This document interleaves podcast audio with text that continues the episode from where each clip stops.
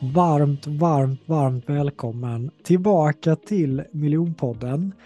Och jag har fått, eh, ja men jag har ju faktiskt slått ett form av rekord, måste jag ändå säga. Ett, ett försäljningsrekord när jag satte som mål i oktober att i november månad så är mitt mål då att eh, omsätta en miljon. Och eh, det var verkligen eh, dalar och toppar. Det var en väldigt eh, väldigt intressant upplevelse att sätta ett mål som jag kanske knappt trodde jag själv skulle klara. Eh, så att eh, nu är det ju så här ett, ett avsnitt om hur gick det målet? Vad lärde jag mig? Vad hade jag gjort annorlunda? Eh, och alla de här delarna, för jag kände att det, det finns så mycket att hämta när det är så färskt. Och då tänkte jag så här, ja men då är det roligt om någon kan intervjua mig Eh, så tänkte jag så här, ska det vara den här personen eller den här personen? Men så hade jag ett samtal en kväll med, med David Sevassus och jag kände det. Han, han berättade för mig hur han hade djupdykt i Joe Rogans frågeteknik och han, han nördar och han ställer, han ställer väldigt bra frågor, noterade jag under miljonkursen också. Och man kan inte bjuda in David utan hans syster Nicoline. Eh, och eftersom att de två också precis har gått miljonkursen så har jag känt en fin connection med dem. Så tack vare Davids eh, pitch eh, så är det faktiskt Sveriges främsta mentala syskonpar som, som kommer sköta den här intervjun. Och med det jag sagt, David så, eller Nicolin, så, så lämnar jag över ordet till, till er helt enkelt.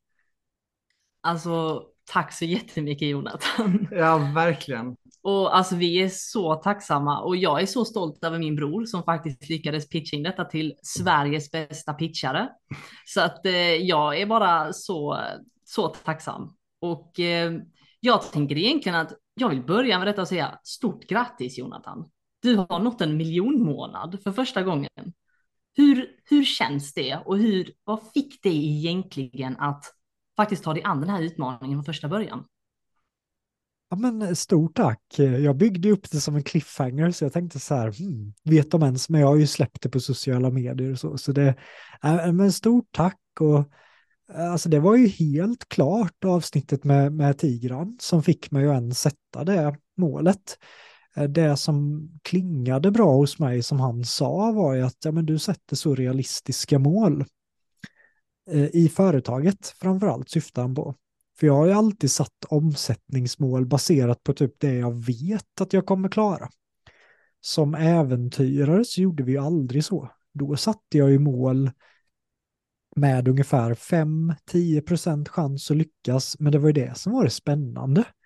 Eh, det var det som var, man utvecklades mycket av att sätta sig i i en havskajak utan erfarenhet och korsa Europa med och man, man blev ju en kajakare. Att målen, det var något annat än målet, det var utvecklingen av resan som blev det roliga och tigran liksom, han påminde mig om det. Eh, och då, inte bara det här miljonmålet i november fick han mig att sätta, för jag tänkte att det kommer få mig att tänka annorlunda. Också det här målet att eh, intervjua de hundra största föreläsarna och coacherna i världen. För jag tänkte att vilken coach jag kommer bli av det. Vilken föreläsare jag kommer bli av att få lära mig och knyta kontakter med de största i världen. Och jag har ingen aning om hur, ingen aning om hur det kommer gå väga, men, men det är väldigt exalterande och jag behöver pusha mig själv på ett annat sätt. Och helt klart Tigran som, som kickade igång det. Men då har jag en fråga. För du sa att eh, det var 50-10% att du skulle klara av äventyren du körde, när du var ute och körde. Hur stor var sannolikheten att du skulle klara denna utmaningen? Jättebra fråga. Jag älskar den. Det är som att du synar mig lite här nu. På något sätt. För jag tycker inte att det var 5-10% jag spelade med här. Jag bedömde ändå så här, om det är någon månad så är det ju november. Uh, för jag kommer lansera community Eh, Eh, jag eh, kommer släppa vissa VIP eh, sex månaders paket. Jag visste att jag hade många som jag tänkte så här, de där, om, om bara de går in. Så att jag bedömde nog ändå chansen kanske 50 procent skulle jag säga. Att jag skulle klara det.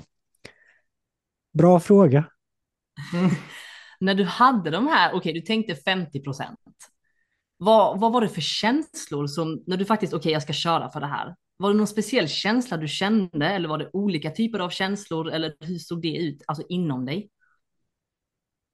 Alltså det var ju någon graf som så här, när man väl sätter ett mål så är man typ hyperexalterad och spännande och jag satte det här målet när jag hade en väldigt bra dag. Jag kände mig lite kaxig så här, la la la, miljoner hit och dit och vi hade fått miljonmusten, alltså mycket miljoner.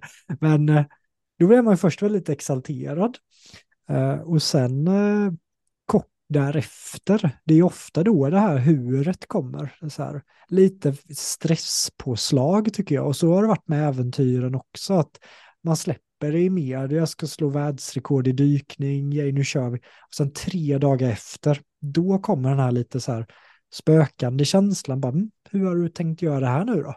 Och så har man inte svaren helt. Eh, och det kan skapa lite, lite stress tycker jag. Jag vet inte om ni kan relatera till det, att man sätter stora mål och i, i, i hybris och i extas känns det superbra, men sen känns det inte så himla bra längre. Kan ni relatera till det? Jag kan helt hålla med och det är så kul för att när jag gjorde research på dig Jonathan, så efter att du hade slått världsrekordet i Australien så gjorde du en intervju där du sa följande. Jag brukar säga att mina viktigaste tips är att tänka nutid. För hade jag tänkt att jag nu ska åka Vasaloppet varje dag i tre veckor, det hade blivit kortslutning i huvudet. Och jag tror att om man fokuserar på nyhet hela tiden och bara tar det dag för dag, då kommer man fram till slut. Ja. Och det är ju lite så när man sätter ett stort mål så fokuserar man inte nödvändigtvis på målet, utan man fokuserar på att sätta den ena foten framför den andra. Mm. Och har du använt dig av det här tankesättet den här månaden? Eller hur har tankarna varit kring det? Vad var det för intervju för det första David? Som efter Australien, vad har du gjort för research? Jag har gått djupt på det. jag hittade den, du gjorde den. Det var någon svensk artikel jag hittade i slutet där. Jag tyckte det var ett så otroligt bra citat så att jag sparade ner den. Snacka om att du tog den här uppgiften seriöst. Såklart. Jag vill bara flika in och säga att han tog den extremt seriöst. Hur seriöst då, Nicolina? Alltså, jag, jag, jag sa det lite innan vi började, men ja, under åtta dagar så har jag sett David ha airpods i och bara lyssna på din podd. Och jag har sett honom, varje gång jag ser honom med sin dator så är han inne på om det är Facebook-sidor eller artiklar eller vad det nu kan vara. Och det som är bra med det Jonathan, det är att du har ju ganska mycket att researcha på. Mm. Och det är väldigt tacksamt i, i, en sån här möjlighet vi har fått av dig. Men David har, um, han har grävt djupt och jag tror att vi har nog frågor för egentligen fyra intervjuer som vi har fått, som vi har fått liksom, ja, vi har fått ta de bästa och vi hoppas på att det verkligen hittat guldkornen nu. Men ja. David har gjort det riktigt, riktigt bra. Alltså när jag satt där igår och gick igenom alla frågor så tänkte jag att jag har bokstavskombinationen NFED. Har du hört den innan? Nej. Något fel är det. Åh, oh, shit. Men, men det var här jag kände, jag kände ju ditt commitment. Jag menar, eh, jag hade nöjt mig med fem frågor, så jag vet inte hur många frågor du har. Och sen är jag säkert rätt jobbig intervju eftersom jag gillar ju dialogaspekten, så jag vill ju hela tiden prata med er och fråga er grejer så att jag är säkert inte så smidig ens och intervjua. Men på tal om den fråga du ställde också. Jag tycker ja. den är eh, galet viktig. Det är första gången jag läste det i boken. Jag har nämnt den här boken många gånger i miljonpodden. Men det är som, som min första kärlek i personlig utveckling. Det var ju den här boken Så slutar du oroa dig och börja leva. Det var första gången jag lärde mig om det här att ta ta en tugga i taget. Eh, då var jag i Sudan, eh, hade grov ångest för att en holländare hade nyligen blivit uppäten av hyener, gick det rykten av, i öknen som jag och Mackan skulle cykla igenom. Eh, 100 mil öken med vissa passager på 30 mil utan vatten. Det är som runt Vättern där det inte går att fylla upp vattenflaskan. Eh, så det var oerhört tufft mentalt att ha den bisten i huvudet. Eh, och så läste jag det i den här boken, Live in Day Tight Compartments. Att verkligen ehm, det enda jag ska fokusera på just nu, det är, att, det är liksom nästa cykeltag. That's it. Sen ska jag cykla till lunchen. På lunchen ska jag ta en lång siesta för det blev 47 grader varmt, 50 grader varmt. Eh, och då ska jag sova och läsa min bok. Och sen efter sovstunden så är det enda jag ska göra att cykla till nästa fikapaus. Så jag liksom slutade tänka för omfattande eh, och det blev mycket lättare mentalt. Ehm, och så har jag tänkt kring alla säljmöten med, för jag insåg ju det i november att så här, det är många säljmöten jag kommer behöva ta här.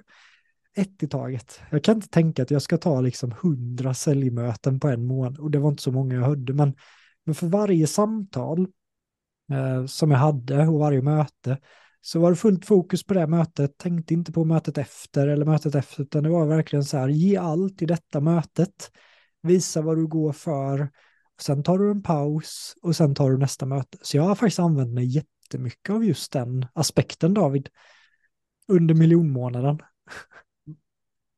Ja, men, det var lite det jag tänkte också, att du är ju en sån person som det fick jag i alla fall känslan när vi gick i miljonkursen, att du är så lugn och harmonisk, men du ändå, alltså företagsvärlden kan vara ganska, alltså den kan vara ganska livlig och det är mycket mm. som händer och det är stress och det är ångest och speciellt när du har satt ett så stort mål som du faktiskt aldrig har nått innan. Så tänkte jag att jag tror äventyraren Jonathan kommer komma in ganska mycket här, att man tar den ena foten framför den andra, ena cellmötet framför den andra och du bara confirmar det egentligen nu, så att väldigt härligt att höra. Ja, men det gör mig väldigt uthållig. Min styrka är ju, det var Gary Vaynerchuk jag för mig la upp någonting, att uh, han är en maratonlöpare bland massa sprinters.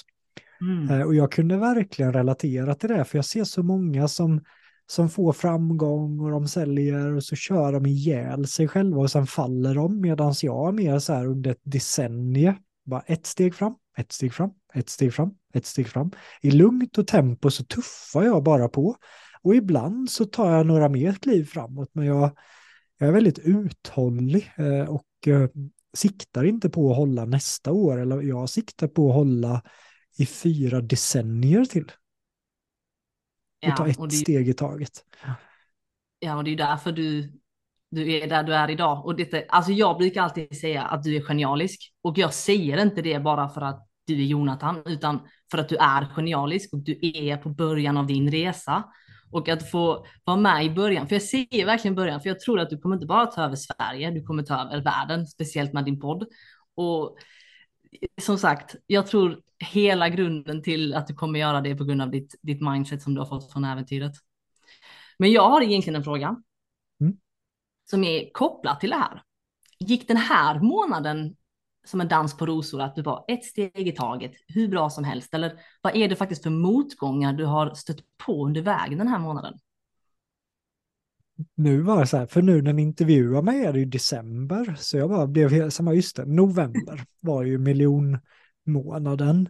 Jag tycker att anledningen till jag har varit ganska försiktig med att röra mig med Bob Proctor-konsulter som säger så här dröm stort, lalala. la la la det är ju för att jag vet ju också baksidan i mig som presterare eh, av att tänka stort. Jag har haft mycket prestationsångest i mitt liv. Det är först senaste åren som jag har fått bukt på det och kunna tyga. Jag kommer aldrig glömma första dagen, eh, tror jag efter wow-kursen, första gången jag gick wow-kursen 20, 2017 eller 2018, Eh, där den här klumpen i magen av, jag vet inte om ni har haft prestations eh, så man har ju som en klump i magen.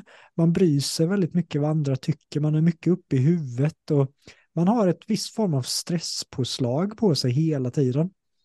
Dagen efter första wow-kursen och första dagen jag kände att den klumpen var borta.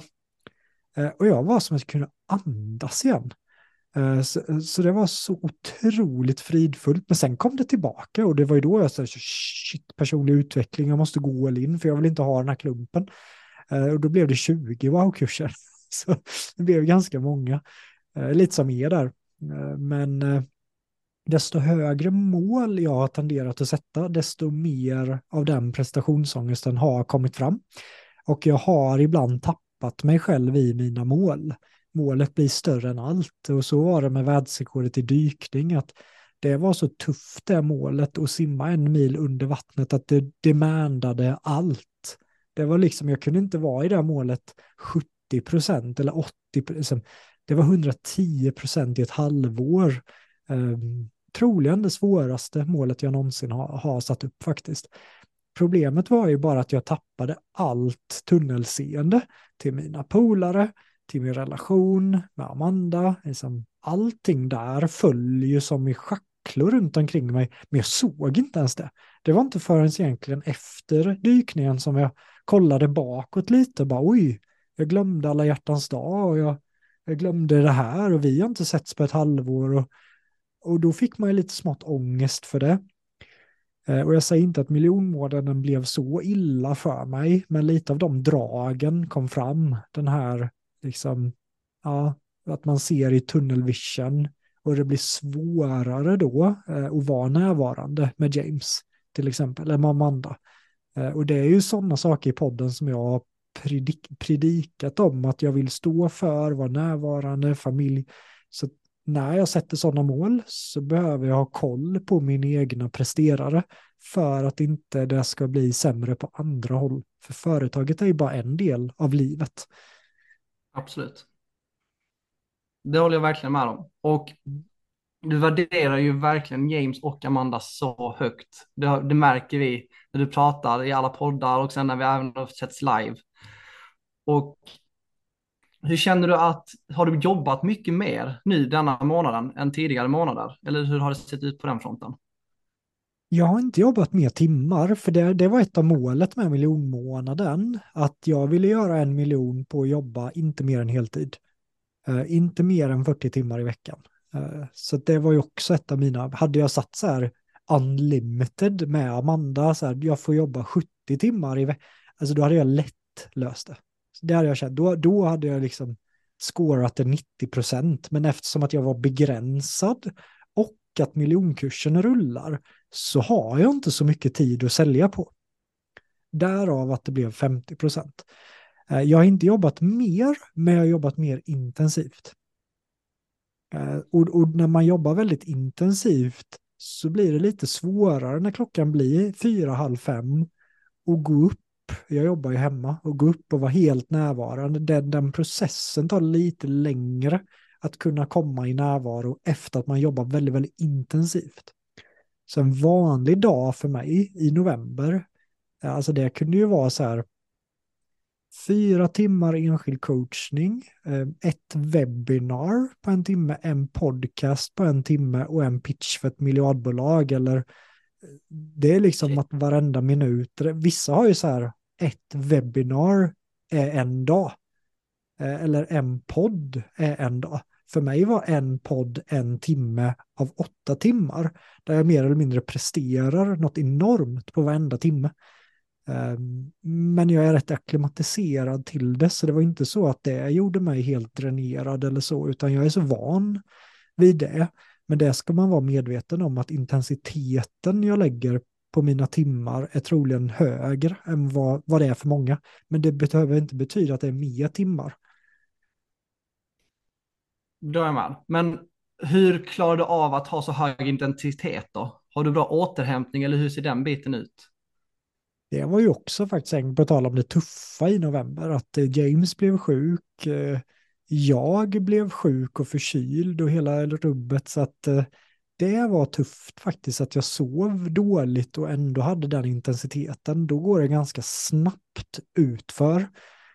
Men jag har ju någon form av också, jag vet inte, liksom, ja, slänga sig med diagnos. Jag vet någonting har jag säkert weird i mitt huvud, men så här, om jag har ett mål och jag pushar mig själv lite hårt, då är det någonting jag kan koppla på. Eh, och det kan jag göra i några månader. Eh, men det biter ofta tillbaka till slut och det var ju det jag gjorde i Australien när vi skulle åka ett Vasalopp om dagen i tre veckor. Det var exakt den, den liksom, som jag kopplade på där, att kunna skida 14 timmar om dagen i tre veckor. Eh, men efter Australien så är jag ju rätt knockad i flera veckor. Eller jag, jag tror jag var knockad en hel sommar. Uh, och det kan jag inte riktigt bli idag ju, som småbarnsfarsa. Jag har inte riktigt det utrymmet att kunna knocka mig själv. Eh, så där får jag också verkligen kontrollera den intensiteten. Hur skulle du då, för att det känns lite som att du har maxat ut dig själv för att faktiskt nå den tiden du hade för att nå målet. Och när du pratar så tänker jag, hur hade du kunnat göra så att din miljonmånad blir egentligen en vanlig månad för dig? För utan att behöva känna att du måste återhämta dig som till exempel när du hade åkt Vasaloppet tre veckor. Alltså hur, hur kan du faktiskt återhämta dig så att detta kan bli en normal månad för dig istället? Det var ju där Tigran blev så viktig igen, för jag satt ju där i, i halva miljonmånaden och bara slet skallen av mig för att sälja in communityt för 17 000. Eh, och eh, miljonkursen standard har ju legat på 22 och 35. Det är rätt många miljonkurser eh, som man behöver sälja, så jag var så här helt slut. Eh, och så frågade jag ju Tigran och han ringde, han har stöttat mig mycket utanför podden också, men han sa det att ja men när jag gjorde en miljon på en timme Jonathan, jag hade ju bara ett dyrare erbjudande. That's it. Och jag bara, ah, just det. Så jag ändrade ju bara mina produkter och började, jag tog fram en ny produkt. En produkt som inte fanns innan miljonmånaden. Och det här var ju mitt då sex månaders program. Där man kan ha mig one-to-one i sex månader. Inte bara en timme coachning här och var, utan du har alltså access till mig inför dina affärsbeslut, skicka dina offerter till mig. Jag alltså öppnar ju upp en tillgänglighet som jag inte har gjort innan långsiktigt.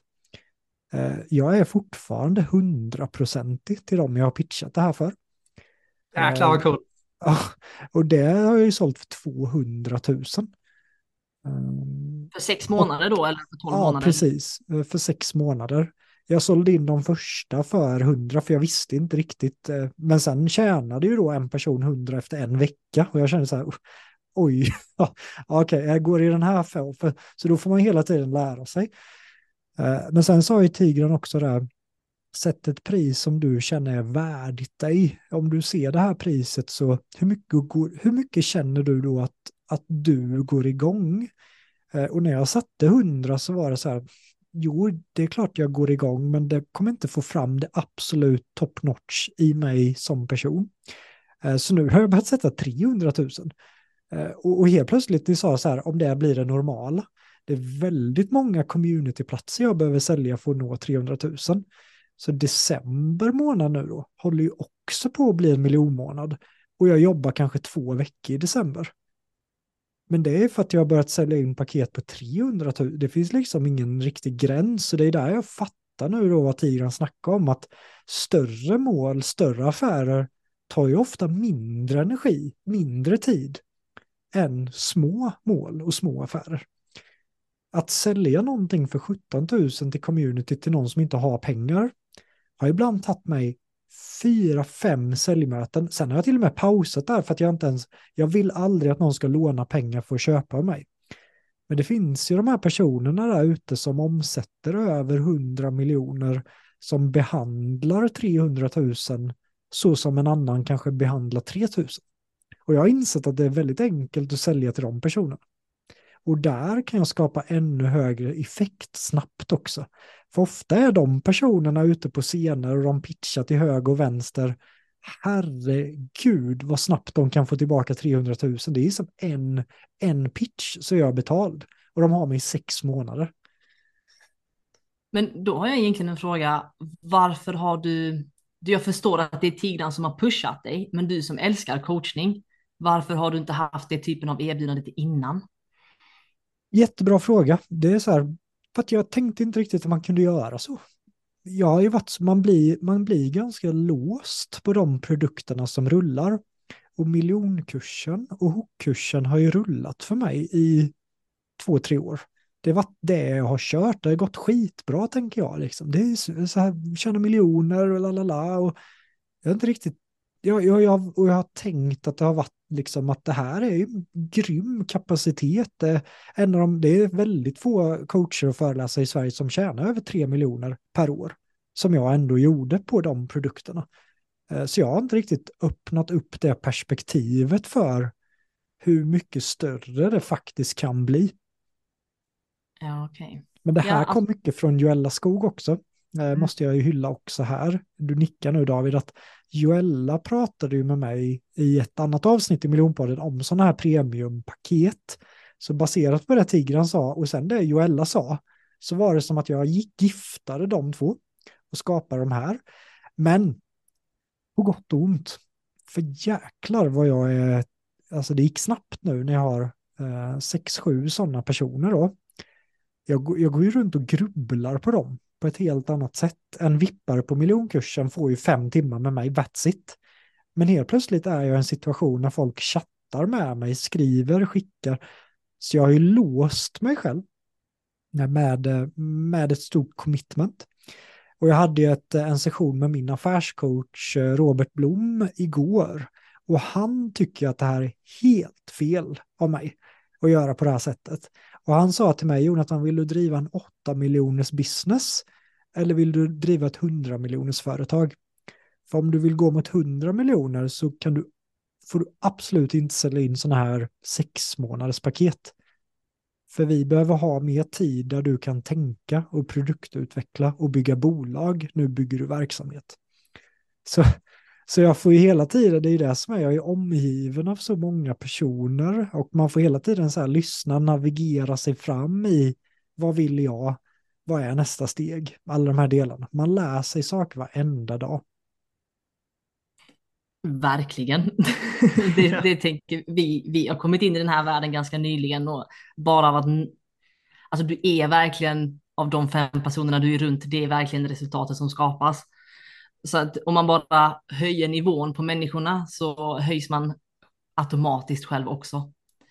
Men skulle det, du säga... Det är så säga... viktigt det du sa där med också. Det är en stor skillnad tycker jag från det här året framförallt till, till liksom förra året. Bara om man kollar på min telefonbok idag så har vi då liksom Robert Blom som coachar Christer Olsson och alla de mest maxade talarna i Sverige coachar Robert, driver MyFlow. Han ringer och pratar med mig. Sen har vi som Charlotte Dunhoff som ringde mig precis som är varit agent i Per Holknekt och hon och jag har börjat partna. Så hon har ju börjat sälja för mig. Så det var ju som att jag hade en rapport med en av Sveriges främsta säljare inom det. Och hon, hon och jag är helt i synk. Och sen ringer Max Sten, liksom en av Sveriges främsta säljare. Så jag är som omgiven just nu av flera av de bästa inom sina kategorier som jag pratar med varje dag. Eh, och när man gör det blir man ju liksom, ens egen standard höjs. Verkligen. Men jag skulle fråga, så du säger att nu i december, så du är två veckor in och du är redan på väg mot en till miljonmånad tack vare att du har höjt priserna. Eller hur? Vad tänker du? du ja, lite. kanske inte riktigt en miljon, men, men kanske inte långt ifrån heller. Eh, ser det ut att landa på. Så är det ju. Men jag bara tänker, nu är det många som lyssnar här som kanske inte är nära en miljon. Men vad tänker du, vad har du för tips till dem? För att du har ju faktiskt tagit det till en miljon med dina andra kurser. Och nu för att kunna skala upp ännu mer och ha det mer hållbart så har du höjt priserna. Och jag vet om att när du coachade oss att var inte att direkt gå på höga priser och gå för de stora målen direkt utan bygg upp någonting egentligen. Vad mm. skulle du säga till en person som inte är lika stor som dig, har kontakterna som dig? Ska de också bara höja priset och tänka stort eller hur ska de egentligen lägga upp det för att faktiskt nå sin miljonmånad? Alltså vilka grymma frågor ni ställer. Alltså, herregud. Har ni, har ni funderat på att skaffa en egen podd? Det har vi faktiskt. Ja, så ja, det känns eh, väldigt så här. Eh, ja, det känns som att ni två har suttit här hur många gånger som helst och intervjuat och det är som genomtänkta frågor. Och jag älskar frågan. Och tänker så här, eh, vet ni vad jag omsatte mitt första år som företagare? Nej. Jag, jag skulle gissa på en miljon. Fel. Fel. Alltså tänker du, tänker du efter David? Alltså JP Phillips? Nej, jag startade nej. bolag när jag var 20. Ah, okej, okay, okej, okay. jag trodde du menade då. Då har ja, jag nej. 20 000. Nej, nej. Ja, runt, jag tror... jag, runt 16 000 omsatte jag mitt första år. Vilket år tror ni var jag var absolut stoltast som företagare? Det året. Ja. Här hade jag fått in 16 000 kronor på att föreläsa om mina resor. Alltså jag har aldrig varit så stolt i hela mitt liv. Hade någon sagt till mig då, du kan sälja för en miljon på en månad. Då hade jag så här, lever du i en annan planet? Jag är jättenöjd med mina 16. Uh, eh, och det är så viktigt kopplat till trappan som jag kallar det, att uh, vi alla gör våran resa. Att jämföra oss med andra skapar stress och press. Alla börjar från någon, någonstans. Uh, och det kommer komma en period i din karriär där det är helt rätt läge att pusha. Det var det inte för mig 2013. Det var det inte 2014, 2015, 2016, 2017. 2018 frågade Aron Andersson mig, hur kommer det sig att du tjänar så lite pengar? Jag omsatte ungefär en halv miljon då, 2018. Och jag sa Aron, det är så här, jag pluggar 30 timmar i veckan. Eh, jag har inte tid eh, att föreläsa och coacha, för jag förbereder mig för att en dag så kommer jag ta mark på ett sätt som väldigt få svenskar har gjort. Så kommer jag ihåg att jag tänkte i mitt huvud att så här, om jag bettar Aron då, en av Sveriges kändaste föreläsare i hela rubbet, jag ihåg att jag tänkte 2018 så här, tio år från idag, eh, om jag bettar bettar på vem som omsätter mest om tio år, då hade jag bettat på mig själv 2018. Eh, jag var i en process av att bygga kunskap, bygga substans. Och det är en jätteviktig del i hela, hela resan, att det får ta tid. Att produktutveckling får ta tid. Jag tror kanske om, om två år kanske jag kommer, eller tre år kanske jag kommer omsätta noll för att jag kanske kommer ta ett helt år till att produktutveckla ett bolag som ska kunna gå mot 100 miljoner. Eh, så, så det är så timing och eh, vart man är i sin egna resa. Eh, alla börjar från noll någon gång. Eh, och vad är ett stort mål för mig? Eh, kanske inte de målen jag sätter är små för Tigran och Palosha. Men de är jättestora för många andra så att hela tiden får man fråga sig själv, vad är mitt mål? Vad, vad går jag igång på? Vad, vad, känns bra för mig? Och hitta den kalibreringen. Mm. Men jag skulle fråga, för jag och David, när vi kom till dig så hade vi problem med vår paketering. Och vi, hade, vi tyckte att vi hade en väldigt bra produkt. Men vi hade också finslipat på den produkten i, i två, tre, fyra år nästan. Men vi hade inte riktigt sålt den. Och där kom det att vi kom med problemet med paketeringen. Men vi fick alltid höra att sluta nu finslipa på er produkt och bara börja sälj. Och jag bara frågar dig, vad skulle du säga? Ska man fokusera först på att ha den absolut bästa produkten som ska vara inom situationstecken helt perfekt innan man börjar sälja? Eller hur ser det egentligen ut där? Vad tycker du som en annan företagare eller en annan konsult eller föreläsare eller vad det nu kan vara som inte har nått de här siffrorna? Vad skulle du säga är det bästa att fokusera på där? Så miljonhjulet och allt det här produktsnacket som jag har börjat med har ju framförallt kommit den här hösten. Eh, så det är först nu som jag börjar bli, att jag börjar se kraft kraften av en väl paketerad produkt. Så hade du frågat mig för ett år sedan hade jag nog mer sagt så här, kör du, sälj, sälj, la la la, ta det senare sen. Men men att bygga en slagkraftig produkt som en kärna i hela sin business, lägga tid på det, göra den kanske 80% klar. För de andra 20 procenten kommer komma för varje gång du coachar, för varje gång du kör. Det är som miljonhjulet som jag kom på Eh, mars förra året. Då körde jag det för första gången i Toscana typ ingen fattar någonting kändes det som. Det var åtta steg, det var rörigt hela rubbet. Men jag sa till Lukas att eh, jag tror jag har potential, jag måste bara köra några gånger. Miljonhjulet var då kanske 60 procent klart. Jag hade repat en gång dagen innan jag körde det skarpt. Men, men, men första gången jag satte det i coachingen med Therese och aha-metoden skapades, där kände jag så här, oh, det är inte åtta steg, det är fyra. Eh, sen körde jag det igen med Jesper, det blev ännu bättre, det blev ännu bättre och sen mer, det blev ännu bättre. Till slut kände jag att den är klar eh, och då blir det så mycket lättare att sälja den. Men, men lägg tid, lägg kärlek på din produkt. Eh, sälj in din produkt, se inte din produkt som klar förrän du har kört den kanske 20-30 gånger. Då är den klar. Och den skapar effekt. Och med Okej. produkt kan vi också förtydliga föreläsning, community, utbildning, vad det nu än är du säljer för någonting. Och tycker du då, bara för att förtydliga, tycker du då att man ska börja på ett billigt pris för att få credibility för produkten och sen bygga vidare på det? Eller hur tänker du där? För att vi har ju alla de här perversa och tigarna tänka stort. Ska man göra det från början eller hur ser det ut där tänker du? Men där släpper jag och Daniel Wood nu ett avsnitt om, om funnels. Eh, så där tycker jag hela tiden att utgå från funnels och det är det jag har gjort. Och funnels är också en jätteanledning till att miljonmånaden faktiskt gick. Så att man har en billig produkt, man har en mellanprodukt och man har en dyr produkt och man har en plan för hur man kan guida folk genom sin, sin funnel. Men nu David har jag inte hört dig fråga något på länge så nu kastar jag över micken till dig du som har förberett dig så länge.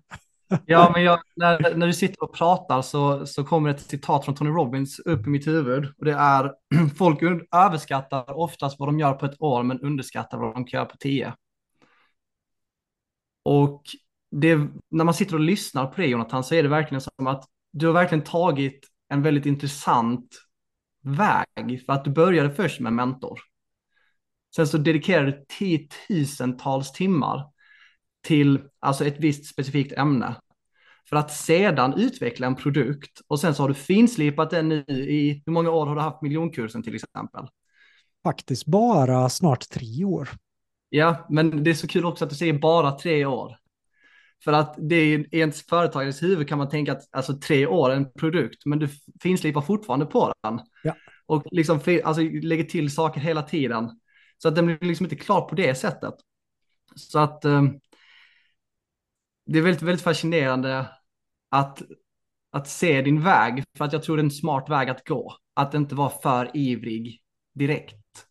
Mm. Men jag har en annan fråga som eh, inte relaterar lika mycket till det här, men bakom varje framgångsrik person så finns det ju en stark och stöttande partner. Hur viktig känner du att Amanda är för dig och ditt företagsresa? Oh, vilken fin fråga David. Ja. Eh, Jag och Amanda har ju varit ihop sedan vi var, jag har faktiskt en bild på henne här. Eh, Nu, nu ser de flesta i, i ljud, men Där var ni unga. ja, precis. Så vi träffades ju när vi var 17. Ja. Eh, Och när vi var 17 var jag den rädda personen som inte, jag skulle bli snickare och jag ville liksom bli fotbollstränare. Det var min dröm. Jag, vet, jag tänkte, på tal om din fråga innan Nicolina, så här, det var det jag såg. Jag såg inte riktigt annat. Amanda däremot var ju halvamerikan, flög fram och tillbaka själv mellan USA och Sverige när hon var 12. Så hon hade ju liksom en helt annan, hon skulle bli läkare, hon liksom har stora mål och hela rubbet. Så jag var så här, oh, herregud, vem är det där? Spännande men läskigt. Eh, så vi, eh, vi fastnade för varandra helt enkelt och eh, kommer ihåg när vi diskuterade vår första resa så ville jag till Thailand en vecka och ligga i en strand på ett hotell, all inclusive. That's it. Och Amanda var så här, nej, vi måste även, hon, hon, jag kommer ihåg att hon nästan blev sur när jag föreslog det. Och hon föreslog istället att vi skulle tågluffa. Rund, alltså att vi rundar Europa med tåg, med tält och stormkök och hela rubbet. Och då, ja, då kanske folk tror, men du är äventyrare. Ja, men då var jag inte äventyrare. Då hade jag ju bara varit i Teneriffa innan med min familj. Jag hade aldrig gjort något sånt. Uh, så att uh, nog sagt så, så blev det så. Vi hade 10 000 uh, att klara oss på uh, var då på en månad i, i Europa. Och hon tog ju ledar, jag var med den här liksom, oroliga själen som följde efter Amanda. Eh, så hennes självförtroende var häftigt att se som ung. Hennes ledaregenskaper och eh, hon fick mig att drömma. Eh, hon fick mig att öppna upp perspektiv för vad man kan göra med livet. Så efter tågluffen var jag helt hooked på resor. Och det var så här, Amanda vad ska vi göra härnäst? Och då åkte vi till Afrika ihop i fyra månader och bodde hos en värdfamilj i, i Tanzania och besteg Kilimanjaro. Och i samma sak, det är min första Kilimanjaro-tur. Alltså jag höll ju på att knockas, eh, men det var ju Amanda som hon var ledaren. Liksom hon peppade och jag låg och grät i tältet och jag hade ju sån prestationsångest över att jag hade gått ut i media och sagt att jag ska bli den nya Göran Kropp, lalala, höll på att fejla på Kilimanjaro medan Amanda ligger där jämte helt oberörd av berget. Eh, så att eh, en väldigt, väldigt stöttepelare där som, som fick mig att våga i början när man är som mest sårbar. Eh, och hon var ju med på de här första föreläsningarna mycket. Och det kunde ju vara allt ifrån en tennisklubbsföreläsning när jag skulle prata om Kilimanjaro eller någonting. Hon var där, feedbackade, liksom kunde vara väldigt rak, tydlig, inte det här wow, utan ja, det här var bra, men det här var inte bra. Mm. Liksom väldigt rak på det. Kom ihåg en föreläsning när jag trodde jag skulle få mitt stora breakthrough så eh, kom det två pers. Och en av dem var Amanda själv.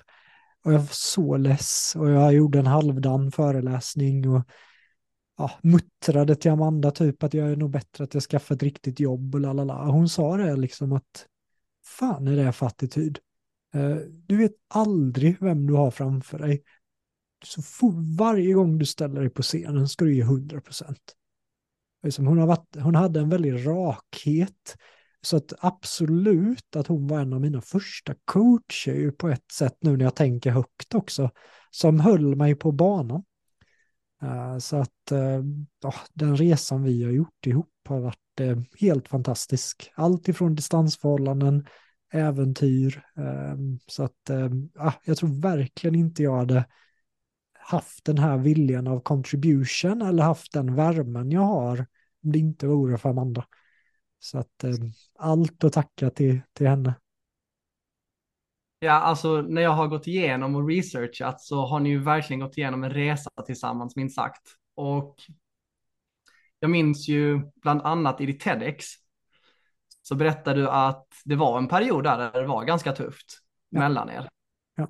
Och där sa du i det TEDx-taket att ni hade kommit fram till 20 olika tips och tekniker för att förbättra relationen. Och där nämnde du tre stycken. Nu är jag lite nyfiken på några andra av dem också för att kanske kunna få lite inspiration till de som har partner. Så här va, nu ska jag ge er en hemlighet också som jag inte har sagt till någon annan. Men ni har ju lärt eh, er mina hooks, eller hur? Mm. Så, så jag då, hela tiden tänker jag i mitt huvud så här att ja, hur ska jag, hur ska jag göra ett TEDx och ändå att det på något sätt kan gynna så här affärer sen och lalala. Så jag drar ju en cliffhanger-hook så det bara går maken på det. Att ja, jag har tagit fram tre och liksom, jag hade inte kalibrerat cliffhanger-hooken och jag trodde inte heller att en halv miljon människor skulle se den hooken. Så jag får ju mail hela tiden bara, du de där andra verktygen. Det var ju massa andra grejer som vi gjorde, det var bara att jag, jag inte helt systematiskt liksom analyserade det. Eh, men det var absolut en, en hook där jag testade cliffhanger-hooken. Ja, minst sagt, jag har suttit nu och bara tänkt, vad är de andra ja, ja, så det ber jag om ursäkt för. Men jag sa väl mycket där med ögonkontakt, open communication, kramar, alla de här delarna. Eh, och det vi har fått jobba mycket på nu när James kom, det var ju att eh, ja, helt plötsligt går ju, går ju liksom fokus på James. Amandas mission nu när hon har varit hemma är ju att eh, när man blir mamma och man får ansvar för ett annat liv, det är klart att det har gjort att vi inte haft, haft varandra i fokus på, på samma sätt. Så då har det ju verkligen på senaste tid blivit ännu viktigare att, att komma tillbaka, för det har svajat. Jag tror det gör det för alla småbarnsföräldrar på ett eller annat sätt under de här faserna. Så här, sova en timme, sen går jag till jobbet, hon har honom med krupphosta hela dagen och sen på kvällen bara, tja. Det, det har varit eh, kämpigt, men kommunikation har varit jätteviktigt och eh, många av de delarna jag pratar om i TEDxet där har vi ju fortsatt med. Eh, sen i perioder har det varit mer och i perioder har det varit mindre. Eh, men en grej som jag inte tror att jag pratar om på TEDxet som jag använder mig mycket av är ju stacking. Jo, det 17, det pratade jag om på TEDxet ju. Det här med meditationsaspekten. Eh, men dominant fråga pratade jag inte om i alla fall under TEDxet. Ofta har vi en dominant fråga till en person. Så att David till Nicoline till exempel, jag tror någon dominant fråga du har till din syster är, jag har världens bästa syster. Ja. Ja. Ja, eh, och, och Nicoline sa, och det gör ju att ni får en otrolig connection. För er positiva, dominanta tanke kopplat till varandra är väldigt positiv och upplyftande när vi blir stressade, när vi blir sömnbrist, när det liksom sker grejer eh, och så fort den dominanta tanken skiftas till någon person till något negativt, då går det snabbt nerför när den dominanta tanken kan vara så här, vad är fel på dig? Eller varför eh, håller du mig tillbaka? Så många entreprenörer tänker om sina par. Varför, varför står du i vägen för mina drömmar? Liksom, sådana dominanta tankar är livsfarliga för ett förhållande. Eh, och där är det viktigt under, under den här fasen vi är i nu, för jag har ju utmaningar ibland i att kunna skifta mellan jobb och komma upp och vara full. Det tar ofta ett tag för mig och eh, och då kan ju det skapa dominanta tankar i Amanda som är så här, ja men han är slarvig eller eh, sådana delar. Det är väldigt lätt att det händer om jag glömmer någonting tre gånger, såklart.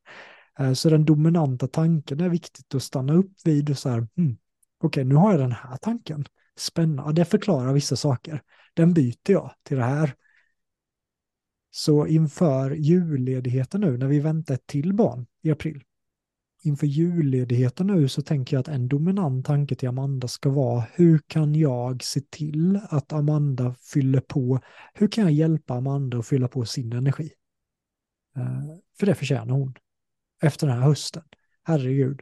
Och, och det ska vara min dominanta tanke och fokus att försöka boosta hennes energi. Istället för att tänka så här, ja ah, nu måste jag återhämta i två veckor så att jag kan prestera i januari. Fel tanke. Eh, så den tanken, ja, den gynnar mig inte bara med Amanda utan med mina vänner också. Och förhållanden. Eh, Förhållanden, låter som jag har massa förhållanden. Min, mina vän, vänskapsrelationer. Uh, och Ola Wallström ringde mig och det var när det blir mycket business och det är pengar hit och dit. Men jag, jag bestämde mig för att en dominant tanke jag ska ha kopplat till människor är att människor som kommer in i mitt liv ska jag göra lyckliga och framgångsrika. Om man har varit med mig ett tag, då vill jag att man ska få lycka och framgång. Eh, och jag ska göra allt jag kan för att göra det möjligt för, för andra. Och inte då ha en dominant tanke att ja, men personen har ju faktiskt bara betalat för fyra timmar så det är det den personen kommer få. Då blir det lite skinn, eh, och så kanske jag kommer behöva vara senare, vem vet när man har hundra, alltså jag har fullt förståelse för de coacherna som behöver vara så. Men jag har valt att bara ge allt till personer, göra dem väldigt framgångsrika. Och det känner man alltså verkligen med dig Jonathan. Men jag fick den här tanken när du sa det här med de dominanta frågorna. Det fanns en sak som, som jag har haft när jag har haft relationer och det kan vara allt ifrån relationer med, som du sa, att det är med partner, kärlekspartner eller vänskap eller om det är business eller vad det nu kan vara. Det är en mening som verkligen fick mig att ändra, det är en dominant fråga för att du satte ord på det. Men det är lite så här, istället för vad kan jag göra för den här personen istället för vad kan denna personen göra för mig? Mm. Och om man har den tanken in i varje relation man går in i, det kan vara en ytlig relation eller en djup relation, så tror jag att det är lite som du sa, du vill kunna ge Amanda de bästa förutsättningarna för att hon ska kunna få energi och återhämta sig. Inte, ja men nu har jag ju haft min miljonmånad så nu behöver jag återhämta mig, utan du tänker direkt att Amanda förtjänar det och där är det lite som jag tänkte i huvudet att det, du har mer vad kan jag göra för henne istället för vad kan hon göra för mig. Håller du med? Men jag, vill, jag vill ändå poängtera där för att jag är så långt ifrån perfekt. Alltså, jag tänkte inte det direkt. Jag tror min första direkta tanke var på mig själv. Så här, nu mm. måste jag vila, nu är jag värd att vila, lalalala. Att man, man är i sin bubbla. Så jag tänkte det inte direkt, men efter samtal med Amanda, efter reflektioner, så är det det jag nu har landat i att jag vill vara. Men min, all, alla våra hjärnor är ju samma hjärnor och våra hjärnor ser till vårt bästa.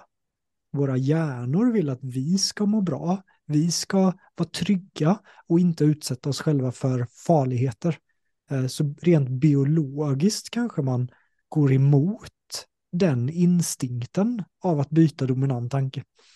Mm. Så det är inte alltid lätt. Nej, det är det verkligen inte. Men då kan man påminna sig själv om det, att vad kan jag, vad kan jag göra i det här istället för vad kan de göra för mig? Men jag, jag tittade på det ju, eh, Amanda, när vi var på Hooks herrgård och bara så er kemi och jag observerar, jag är ganska mycket så jag observerar ganska mycket människor. Och jag är väldigt nyfiken. Om du hade fått beskriva Amanda med tre ord bara, vilka ord hade det varit då? Och nu vill jag att du går djupt. Prestationsångest först. Mm. Väldigt, väldigt varm. Väldigt eh, autentisk. Det, det finns ett ord som jag liksom ville hitta, som jag inte men, men varm, Kan du beskriva autentisk. ordet? Ja, men tänk er att Amanda så här i Tanzania ofta gick runt med sin tanzanska klänning. När hon då kliver ut från, vi bodde hos en värdfamilj. När jag klev ut från porten hände ingenting. När Rickard klev in från porten hände ingenting. När Amanda kliver ut där så exploderar halva byn eh, och hur många barn som helst kommer springande till Amanda eh, och följer henne vart hon än går. Eh, varenda kväll i Tanzania så var det lite Forrest Gump-varning när hon sprang sin löptur. Då var det massa tanzanska barn som sprang efter henne. Så hon har ett sätt att få människor att må väldigt bra runt omkring. Hon är lite som en healer. Det kanske är lite det ordet jag letar efter, att folk mår mycket bättre när de är i hennes omgivning, helt enkelt. Och de, mm, det, det, är någonting spirituellt. Okej. Okay jag kan verkligen känna av det för att Amanda var inte med när vi var på miljonkursen eh, under dagen. Men sen så kom hon in där på kvällen och det tar, mm. vad är det, några sekunder och sen så är hon liksom som en i gänget. Mm. Och liksom ja, frågar ja. massa frågor och bara liksom är så nyfiken och öppen. Ja. Så hon är ju verkligen en fantastisk människa. Eh, som poddare hade hon gjort sig väldigt bra, för hennes, hennes förmåga att få andra människor att känna sig sedda Mm. Den är väldigt, väldigt kraftig hos, eh, hos Amanda. Ja. ja, det kunde vi verkligen se. Rakt av. ja. När vi ändå är inne på familj och relationer och den biten. Jag är jättenyfiken på en fråga. För jag är själv inte pappa. Men det finns en fråga jag tänker på ganska ofta. För det känns som när man får ett barn så växer en inre drivkraft som är som en superkraft för att göra allt för sitt barn. Och hur känner du att din drivkraft inom företagande har förändrats sedan du blev pappa jämfört med innan? Så jag lär mig saker själv som poddare av era otroligt gen... Kan jag få alla de här frågorna sen David? Absolut, det kan du få. Fantastiska frågor. Tack. Så hur har min drivkraft ändrats sen jag blev pappa? Jämfört med innan. För att jag känner verkligen, alltså det är något magiskt med föräldrar. Alltså, de, alltså till exempel min mamma och min pappa, alltså de bara körde på. Alltså de, de jobbade sena kvällar och när, alltså när man liksom vaknar på natten och skulle gå och kissa till exempel, så mm. ser man liksom mamma sitta vid matbordet och bara göra allt, bara för att få ihop sitt liv. Mm. Ja. Mm. Alltså drivkraften mm, ska man säga? För det första så är jag väldigt positivt överraskad över hur jag har reagerat som pappa. Jag var lite orolig för att så här, tänk om man inte känner någon kontakt med James så sitter man där med en bebis som bara vrålar och så har man migrän typ och har svårt att hitta en koppling. Eh, men det gick väldigt, väldigt snabbt eh, från att förlossningen. Jag fick ögonkontakt med James och han, usch, nu blir jag så här, jag har blivit mycket mer eh, lätt att komma till tårar. Jag har blivit mycket mer känslig tror jag, sen James kom. men kramen med James på BB var helt otrolig, hur vi connectade där. Och eh, det är helt fantastiskt att, att vara pappa till James. Eh, verkligen. Eh, och nu kommer jag också bort mig, känner jag prata om James, men drivkrafter. Mm. Ännu mer tror jag ehm, att kunna vakna upp idag till exempel. Vissa av mina grannar, de köttar iväg halv sju med sin bil till, till jobben och de är där vid åtta och kommer hem vid sex, halv sju på kvällarna. Och så bara vaknade jag upp idag vid åtta. Eh, ta en kopp kaffe, Amanda sitter i fåtöljen. Ehm, jag sitter i fåtöljen till typ nio och jag och Amanda kan sitta och snacka. James leker vid oss och det är en viss frid och eh, mm, det är ingenting jag tar för givet utan det här är ju på något sätt ändå företaget som, som gör att Amanda eh, behöver tekniskt sett inte jobba om hon inte vill. Vill hon jobba så får hon jobba, men hon behöver inte jobba. Eh, liksom nu inför april, om hon vill ta tre månader ledigt så kan hon göra det. För att företaget snurrar så pass bra. I, igår stack jag och tränade vid typ tre, satt i bastun, var helt klar med mig själv i fem. Medan vissa av mina grannar liksom åker och tränar sent på kväll. Jag fattar inte hur folk får ihop det. Eh, uh, eh, verkligen, jag, jag, jag, förstår inte hur de orkar. Jobba heltid, pendla, träna på kvällen. Liksom. Med ett företag kommer en enorm frihet under ansvar.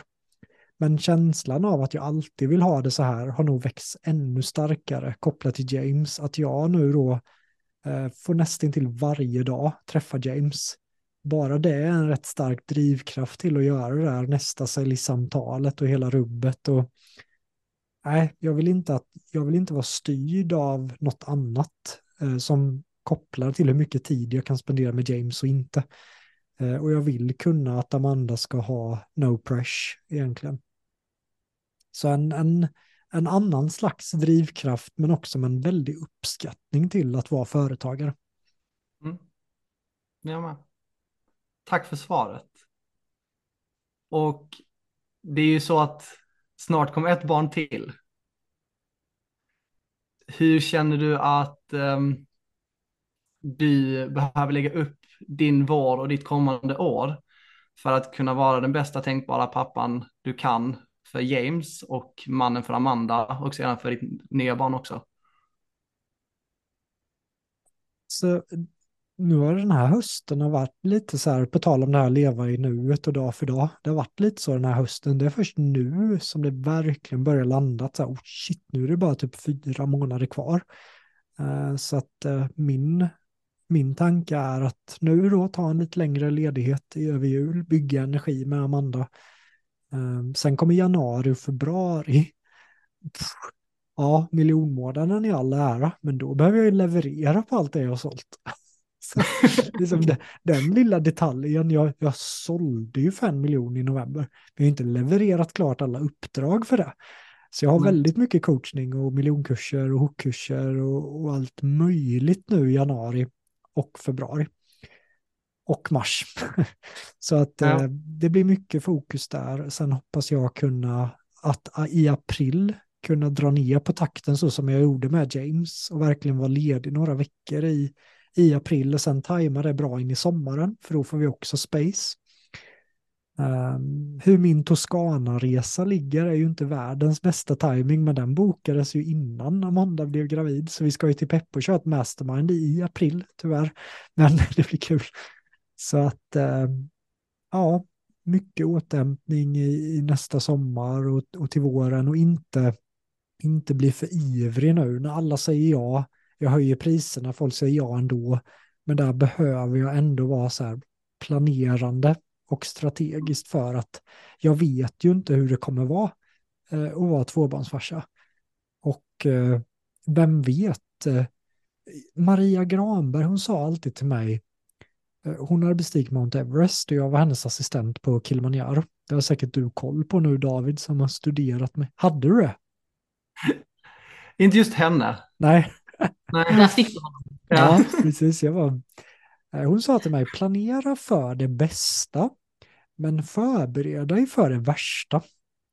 Det var en rätt bra måttstock på bergen, att vi, vi, vi hoppas ju på det bästa hela rummet. Men att ändå ha en plan för ifall saker och ting går åt helskotta. Liksom, vad händer om andra barnet får kolik eh, och inte sover någonting? Vad händer då? Har jag en plan för det? Ifall det inte går så smidigt som det gick med James. Eh, så så dividerar jag lite mentalt också kopplat till att inte lägga allt för mycket jobb. Eh, april, maj, juni helt enkelt. Mm. Ja, jag, jag satt och tänkte, för du började fråga, eller svaret med alltså, var nuvarande. Var närvara, alltså närvarande. Och du har ju jobbat med en närvarocoach. Ja. Också pluspoäng David. Upp till tre timmar i veckan. Jag är nyfiken på varför är det så viktigt att vara närvarande i det man gör och hur har närvaro förbättrat dig som person i ditt företag och som i privatlivet? Eh, ja, men, låt mig börja på att presentera, för där vill jag verkligen credda Spirit, som var, som var personen som, som gjorde det med mig. Eh, som jag har sagt i vissa sammanhang, jag vet inte riktigt när jag har sagt det eller när jag lyfte Spirit, men den coachningen blev väldigt, väldigt eh, impactfull för mig. Inte bara som föreläsare, men även i min personlighet. Eh, har ni träffat en person som glider in någon gång och så säger personen så här, äh, tjena, tjena, tjena, Nicolin, hur är läget? Och så hinner du knappt svara Nicolin innan jag frågar dig, David, hur läget är med dig? Och sen börjar jag fråga andra grejer. Till slut får man lite ont i huvudet för att personen är ju någon helt annanstans. Har du varit med om det? Ja, gud ja. Och man får inte riktigt någon, man får inte riktigt någon känsla eller någonting för personen. Ja. Eh, och det var jag, en sån person. Jag var en sån person som kände att jag behövde bekräfta mig hela tiden och typ, ja, jag kan fixa, jag kunde glida in där i Spirits lägenhet i början med hans rumskompis. Så jag bara går fram till rumskompis, bara klipper du film? Han bara, du, fan alltså, jag, jag, jag kan sälja in det här, jag kan pitcha det här, jag har de här kontakterna och det här, är, ring den här personen. Vi ringer direkt, vi sätter på högtalaren och bara ring. Liksom, det är svårt kanske för er att, att, att, tro att det var jag, men, men det var jag. Eh, och det var där Spirits coachning började, så det började med att jag fick en ganska hård käftsmäll från de båda. När de sa så här, så här upplever vi dig. Eh, och det var inte positivt överhuvudtaget. Och då skämdes jag, fick skuldkänsla och nej. Eh, men sen skapades en vilja i att vara mer som Spirit, för jag upplevde att han var total kontakt. Varenda person som pratade med Spirit lämnade det samtalet lite så här att de nästan var i ett meditativt tillstånd, för det var sån kontakt med Spirit. Jag kände att det där är coolt. Um, och då och då när han och jag hade våra tre timmars sessioner så satt ju vi egentligen bara och pratade. Han ställde frågor till mig och i början ställde han ju en fråga till mig men jag svarade på något annat. Eh, och då fick han ju bara snappa med fingret och säga så här, okej okay, Jonathan, jag, jag ställde den här frågan. Hur kommer det sig att du har svarat på något helt annat? Hur närvarande var du i den frågan? Och så kunde det leda till en timme diskussion. Bara det och i början snappade han ju hela tiden, så jag fick ju typ migrän efter de samtalen. Eh, men desto mer vi tränade på det här, desto mindre och mindre började han snappa. Och jag kände att det var väldigt skönt eh, att vara i samtal och vara i nuet. Än att hela tiden dominant, vad händer härnäst, liksom fixa och trixa. Eh, så att, mm, på tal om det med Amanda med, så att det, det gynnade säkerligen oss, men sen som jag också säger, man slinter, det är svårt ibland. När man inte, det är inte alltid att jag kan vara närvarande, men jag är i alla fall mycket bättre på det än vad jag var då. Och som poddare så tror jag att det är en av mina viktigaste egenskaper. Som poddare. När jag ställer en fråga så lyssnar jag och jag är där och därför kan jag ju ställa en följdfråga i farten. För jag lyssnar på vad de säger. Väldigt sant jag får bara upp när du tänker, för att när du sa det är kanske svårt för er att förstå att du har varit den personen och det är det verkligen för att jag känner ju bara Jonathan som är Jonathan idag, den här versionen av Jonathan. Och jag fick upp, exakt när du sa det så fick jag upp en bild i huvudet och det är när du sitter på Hux herrgård och vi har haft hela den här dagen tillsammans. Och vi har precis ätit och vi har fått in, du har precis ätit klart din eh, dessert och du har din Coca-Cola, din Coca-Cola, vad är det, Coca-Cola Zero, Zero, Zero va? Oh, jag blev precis Alltså vad, vad är oddsen? Jag blir så sugen på ett glas och så står det ett glas Cola Zero jämte. Herregud, jag tar en sipp om det är okej. Ja, gör det. Nej, men jag fick upp den här bilden att du sitter, du har alla dina kursdeltagare framför dig. Du har Amanda precis på din höger sida och du har Josef på den andra sidan som du har också tagit lite under dina vingar. Och så sitter du där och sippar på din Coca-Cola och jag ser hur David, alltså han bankar lite på mig och bara, kolla Jonathan. Och man bara ser hur du sitter där med det glaset i handen och du bara tittar ut. Och man ser att du är fullt närvarande i den stunden. Men vi båda ställde oss frågan, undrar vad han tänker just nu. Kommer du ihåg alltså vad jag, situationen jag menar eller kommer du ihåg vad du tänkte i den situationen? För att jag måste bara fråga dig nu när du tog upp det det här med närvaro. För att jag kände att du var så närvarande. Var det en känsla att du kände att, alltså jag vet inte, jag är bara nyfiken. För det var som att när jag kollade på det var det som att, jäklar. Jag hoppas du förstår verkligen vad, vad du har byggt och vad det är du bygger. Ja, men eh, jag kommer ihåg att det var en väldigt fin middag, men också att jag var faktiskt ganska mentalt slut. Eh, för att eh, jag tror inte att jag sov bra natten till den dagen. Jag för mig att det var någon sån kaosnatt. Och sen då köra en hel dag. Eh, och sen i spat när folk, liksom, många passar ju på att bolla sina businessar och grejer. Så min hjärna var ju på högvarv hela spat också. Förutom under våran simtävling, David. Men eh, jag kommer ihåg att eh, mm, lite sömnbrist, en ganska intens dag. Sen det var en blandning av stolthet, tacksamhet över att alla var där, eh, men också faktiskt trötthet som gjorde att jag nog så här kopplade bort lite från att säga nej, nu är det okej okay och inte vara um, i alla konversationer hela tiden. Jag bara ville ta ett litet kliv tillbaka, andas lite, njuta och sen komma in i samtalen igen. Mm. Så du var egentligen inte så närvarande? du var närvarande med dig själv, men inte med... Ja, men jag, med... jag, tror jag satt och andades och återhämtade ja. lite.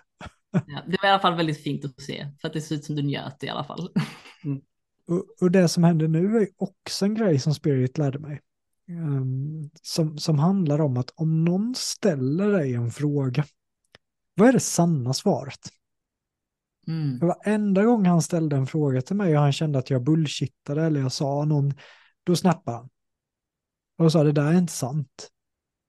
Vad är det du egentligen kände, sa, är, lalala. Och det var ju skitjobbigt eh, att göra det. För han fick ju fram det ena efter det andra och det här och det här. Och, så när du ställer den frågan till mig, Nicolin, då tänker jag så här, första responsen bara, jo men det är klart jag säger nu att jag sitter där i totalt sen och bara så här, äger den situationen. Alltså bara, vad, vad, är, vad var den absolut sanna känslan i det ögonblicket? Och sen kommer det... Eh, och, och, när jag kan leda med den kommunikationen så behöver jag inte riktigt oroa mig för att gå upp i huvudet, säga fel, ju, utan kan jag ha den kommunikationen. Um, det är någonting, vad kallar den? Transparent communication eller authentic communication. Och mm. folk uppskattar det.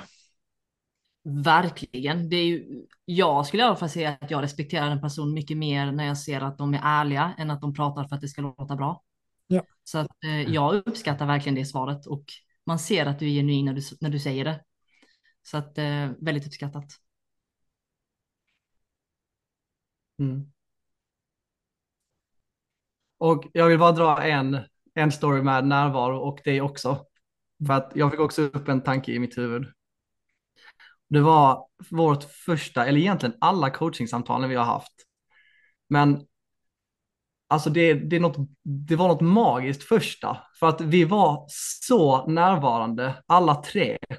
Och det var tack vare att du var så närvarande och kunde alltså snappa upp allting vi spottade ut oss för att vi, alltså vi pratade i 110 kilometer i timmen utan handbromsar. Alltså det gick undan i en och en halv timme och sen så summerade du allting. Och din närvaro där var ju helt avgörande för att vi skulle kunna få den hjälpen som vi fick. Och du lyckades ju också där lösa vårt problem med vår paketering som vi har liksom kämpat med i ett år i princip.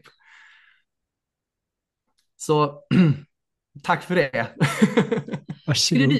jag bara hoppar in och bara frågar, skulle du säga att en närvarocoach är väldigt, eh, av, jag vill säga avgörande för coacher och föreläsare att ha, eller i alla fall jobba på sin närvaro?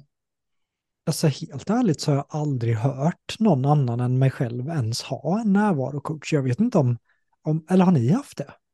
Nej, men jag bara tänker att jag säger till dig att du alltid är genialisk, men jag har aldrig riktigt kunnat sätta fingret på varför du är det. Men nu kan jag. Det är att du är så pass närvarande att du kan samla ihop all den informationen du får och sen kunna ge en lösning på plats. Men du kan inte göra, ge den lösningen på plats om du faktiskt inte var så pass närvarande. Så nu har du faktiskt satt fingret på det till mig. Och därför så frågar kanske jag... det är. För det, ja. det är som, ja, jag tror aldrig Spirit riktigt kommer fatta hur mycket han gjorde för mig eh, under de sessionerna. Eh, för det var, alltså när jag lyssnar på er, när jag lyssnar på någon story, eh, och så sticker kanske en tanke bort en mikrosekund och sen direkt in. Så att, så att jag kan lyssna på ett sätt som många andra kanske inte kan lyssna på. Eh, och då hör man detaljer. Då hör man att Josefin sitter och pratar om triggers hela tiden, även om hon själv kanske inte har hört eller någon annan har hört, och så hörde jag det.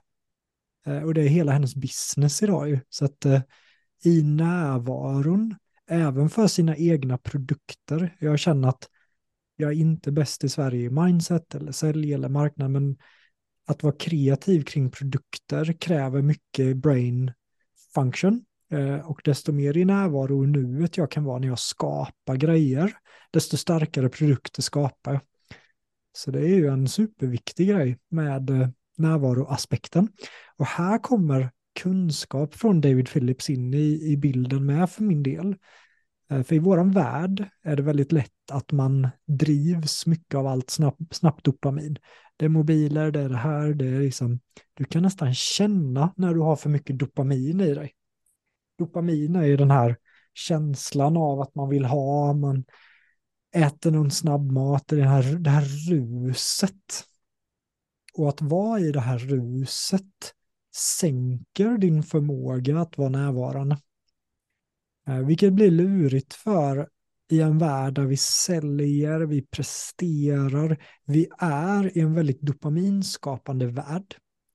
Och då gäller det att kunna tygla sina egna dopaminnivåer. Eh, så det var typ det största jag tog med mig från alla mina tre år med David Phillips.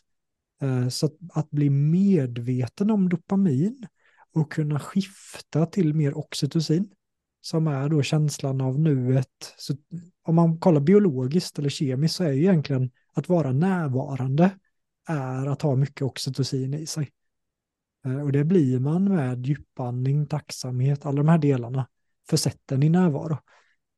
Eh, så att eh, igår, så efter den här megaaffären som jag drog iväg, det trippla priserna, hela rubbet, fick ett litet rus. Ehm, nästa samtal, ja, eh, sex månader, check, ett miljardbolag ringde och ville ha hook. Alltså det var bara väldigt mycket dopamin igår. Och jag kände det vid halv tre att så här, min hjärna spinner. Jag kan inte vara närvarande. Som jag har fått fantastiska resultat idag, men jag har way too much dopamin i mig just nu. Det här behöver jag bromsa, annars kommer jag vara helt slut ikväll och jag kommer inte ha energi för games. Så då, då pausar jag min arbetsdag igår vid halv tre, åker till gymmet, går på trappmaskinen, lyssnar på DV Prayer, djupandas, sätter mig i bastun i en timme typ. Bastu, kyla, bastu, kyla. Eh, fortsätter djupandas, lagar maten i en eh, form av eh, närvaro meditation när jag lagar en tofugryta där jag bara tänker på det jag har framför mig. Satte mig och andades i tio minuter, så här har jag alltså lagt två timmar på att bromsa mitt egna dopamin. Istället för att rida på det ännu mer och tagga mig själv och gå upp ännu mer i huvudet så tog jag bara nej, jag sänker det. Eh, och jag gjorde det. Eh, sen kom James och Amanda hem och jag kunde vara med James. Eh, och jag kunde sova bra framför allt. Jag var inte uppe i varv. Ah, hade jag inte lagt de två timmarna så hade jag troligen inte somnat den kvällen. Påverka idag. Podden mer. Det vill jag inte. Att kunna lägga tid, eh, identifiera sitt dopamin och lära sig att bryta det. Och där vill jag verkligen credda Mr. David för att eh, den det var ju sån kunskap jag fick främst från, från honom. Mm. Ja, David är ju, du är ju helt uppe på de här kemikalierna. Ja. Och hur det, hur det faktiskt fungerar.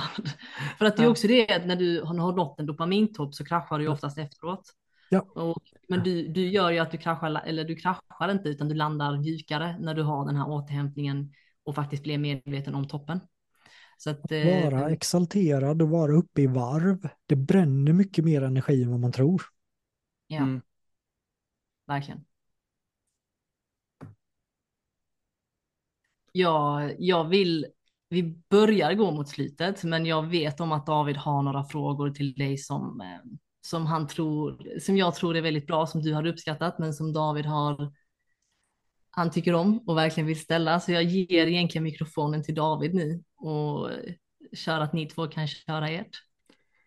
Jag eh, såg häromdagen, jag, jag, behör, jag är väldigt nyfiken på denna frågan och jag såg häromdagen att du var och hälsade på Mackan.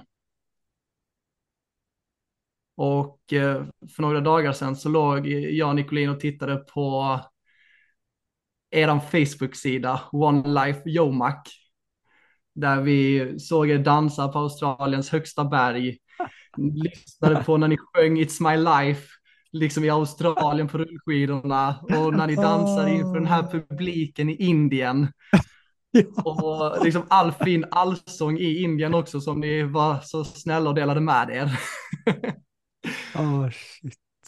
Vad är en sak som Mackan har lärt dig som du kommer ta med dig för resten av ditt liv? Mm. Alltså med rätt positiva syn så kan man lösa vilken utmaning eller problem som finns framför en. Det är det jag kommer ta med mig mest från Mackans. Han visade mig vad ett positivt mindset gör och vad man kan åstadkomma med ett positivt mindset. Och faran i eh, negativitet. Liksom. Så att vi byggde våra expeditioner på, på mycket glädje, mycket skratt, mycket så här, ja, det var vi mot världen. Ja, alltså det, det kändes verkligen så när man, när man kollade på er för att ni verkar ha haft en helt otrolig, otrolig resa tillsammans. Ja, men det har vi, verkligen. Det, ja, helt fantastiskt. Ja, och jag vet att, ja, jag vet att James för tillfället är väldigt glad för att titta på Nalle Puh. För det är ofta vi har haft möten där du direkt kommer från ett Nalle Puh-avsnitt med honom. Och Nalle Puh, han är ju en väldigt, väldigt vis Nalle.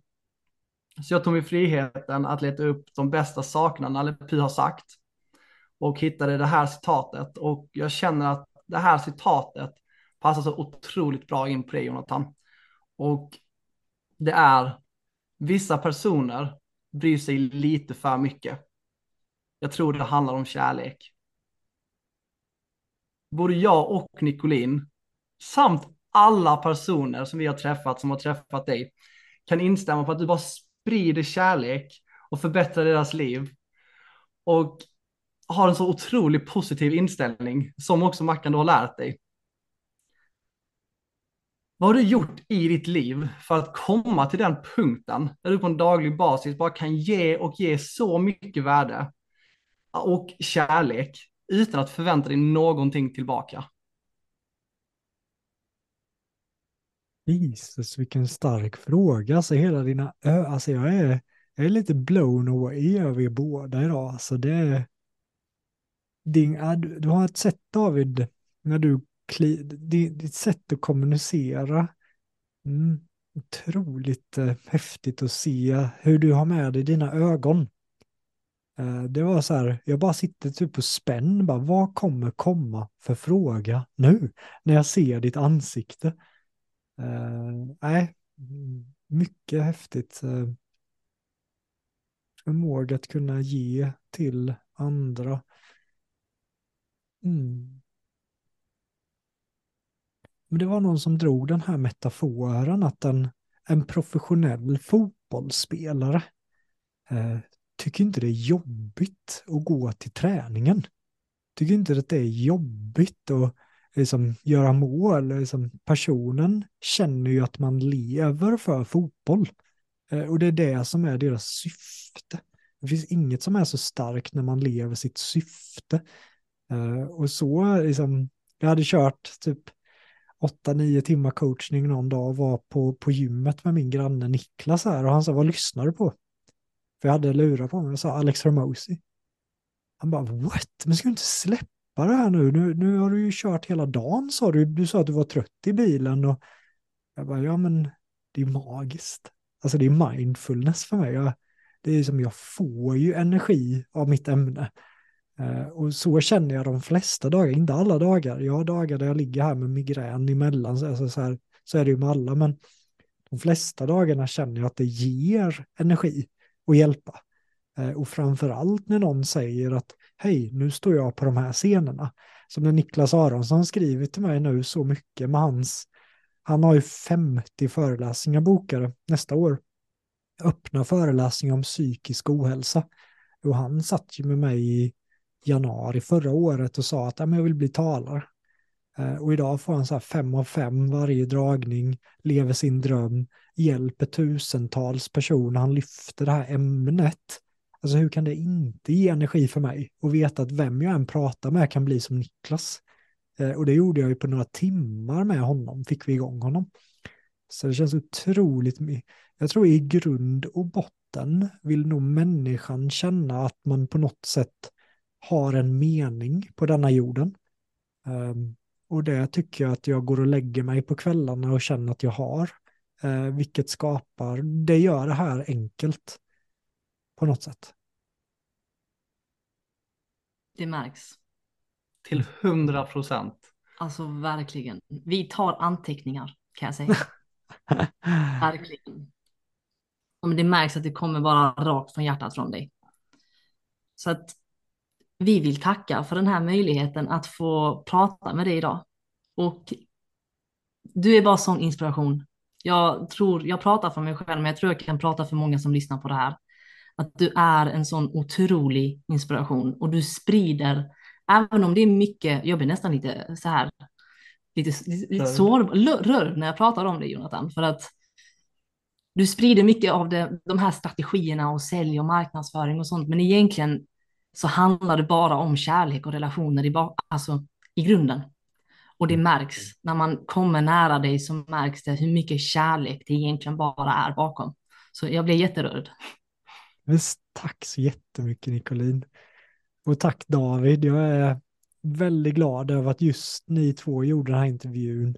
På tal om närvaro så känner jag verkligen så här, min, min hjärna är bara här med er otroligt imponerad över frågorna, hur ni förde er. Det var liksom tio av tio. Ja, tack så mycket. För det är liksom... jag, kommer, jag kommer utvecklas som intervjuare av att lyssna på hur ni intervjuade idag. Wow. wow. Alltså det här ska var... ni två göra.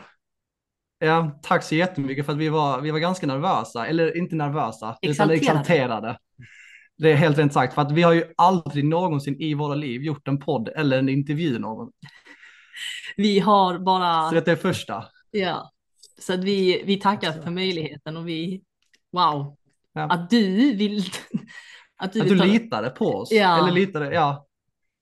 Där Tack. går jag bara väldigt mycket på magkänslan. Vissa säger så här, lita aldrig på magkänslan, men jag får en intention och så kör jag på den. Och det här kändes så rätt.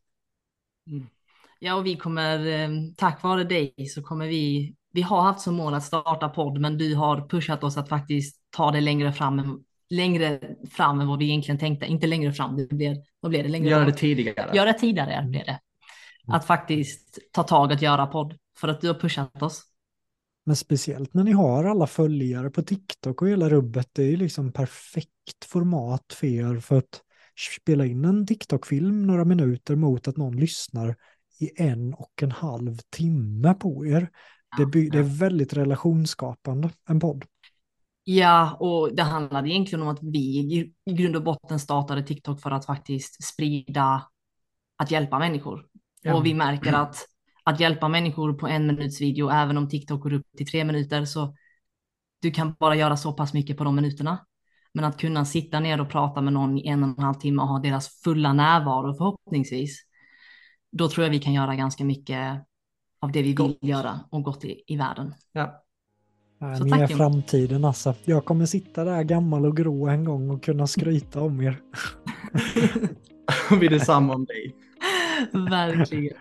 Magiskt. Men stort tack för den här intervjun. Hoppas du som har lyssnat eh, lärde dig saker och det jag gillade var att det inte bara var om miljonmånaden. Det kändes som att vi kom in på många andra saker än bara, bara miljonmånaden, vilket jag kände var kändes mycket mer meningsfullt än att bara prata pengar och business och prata relationer och närvaro och alla de här delarna som, som på något sätt har lagt grunden för miljonmånaden och vad som komma skall också. Ta hand om er allihopa, kärlek, ha det fint.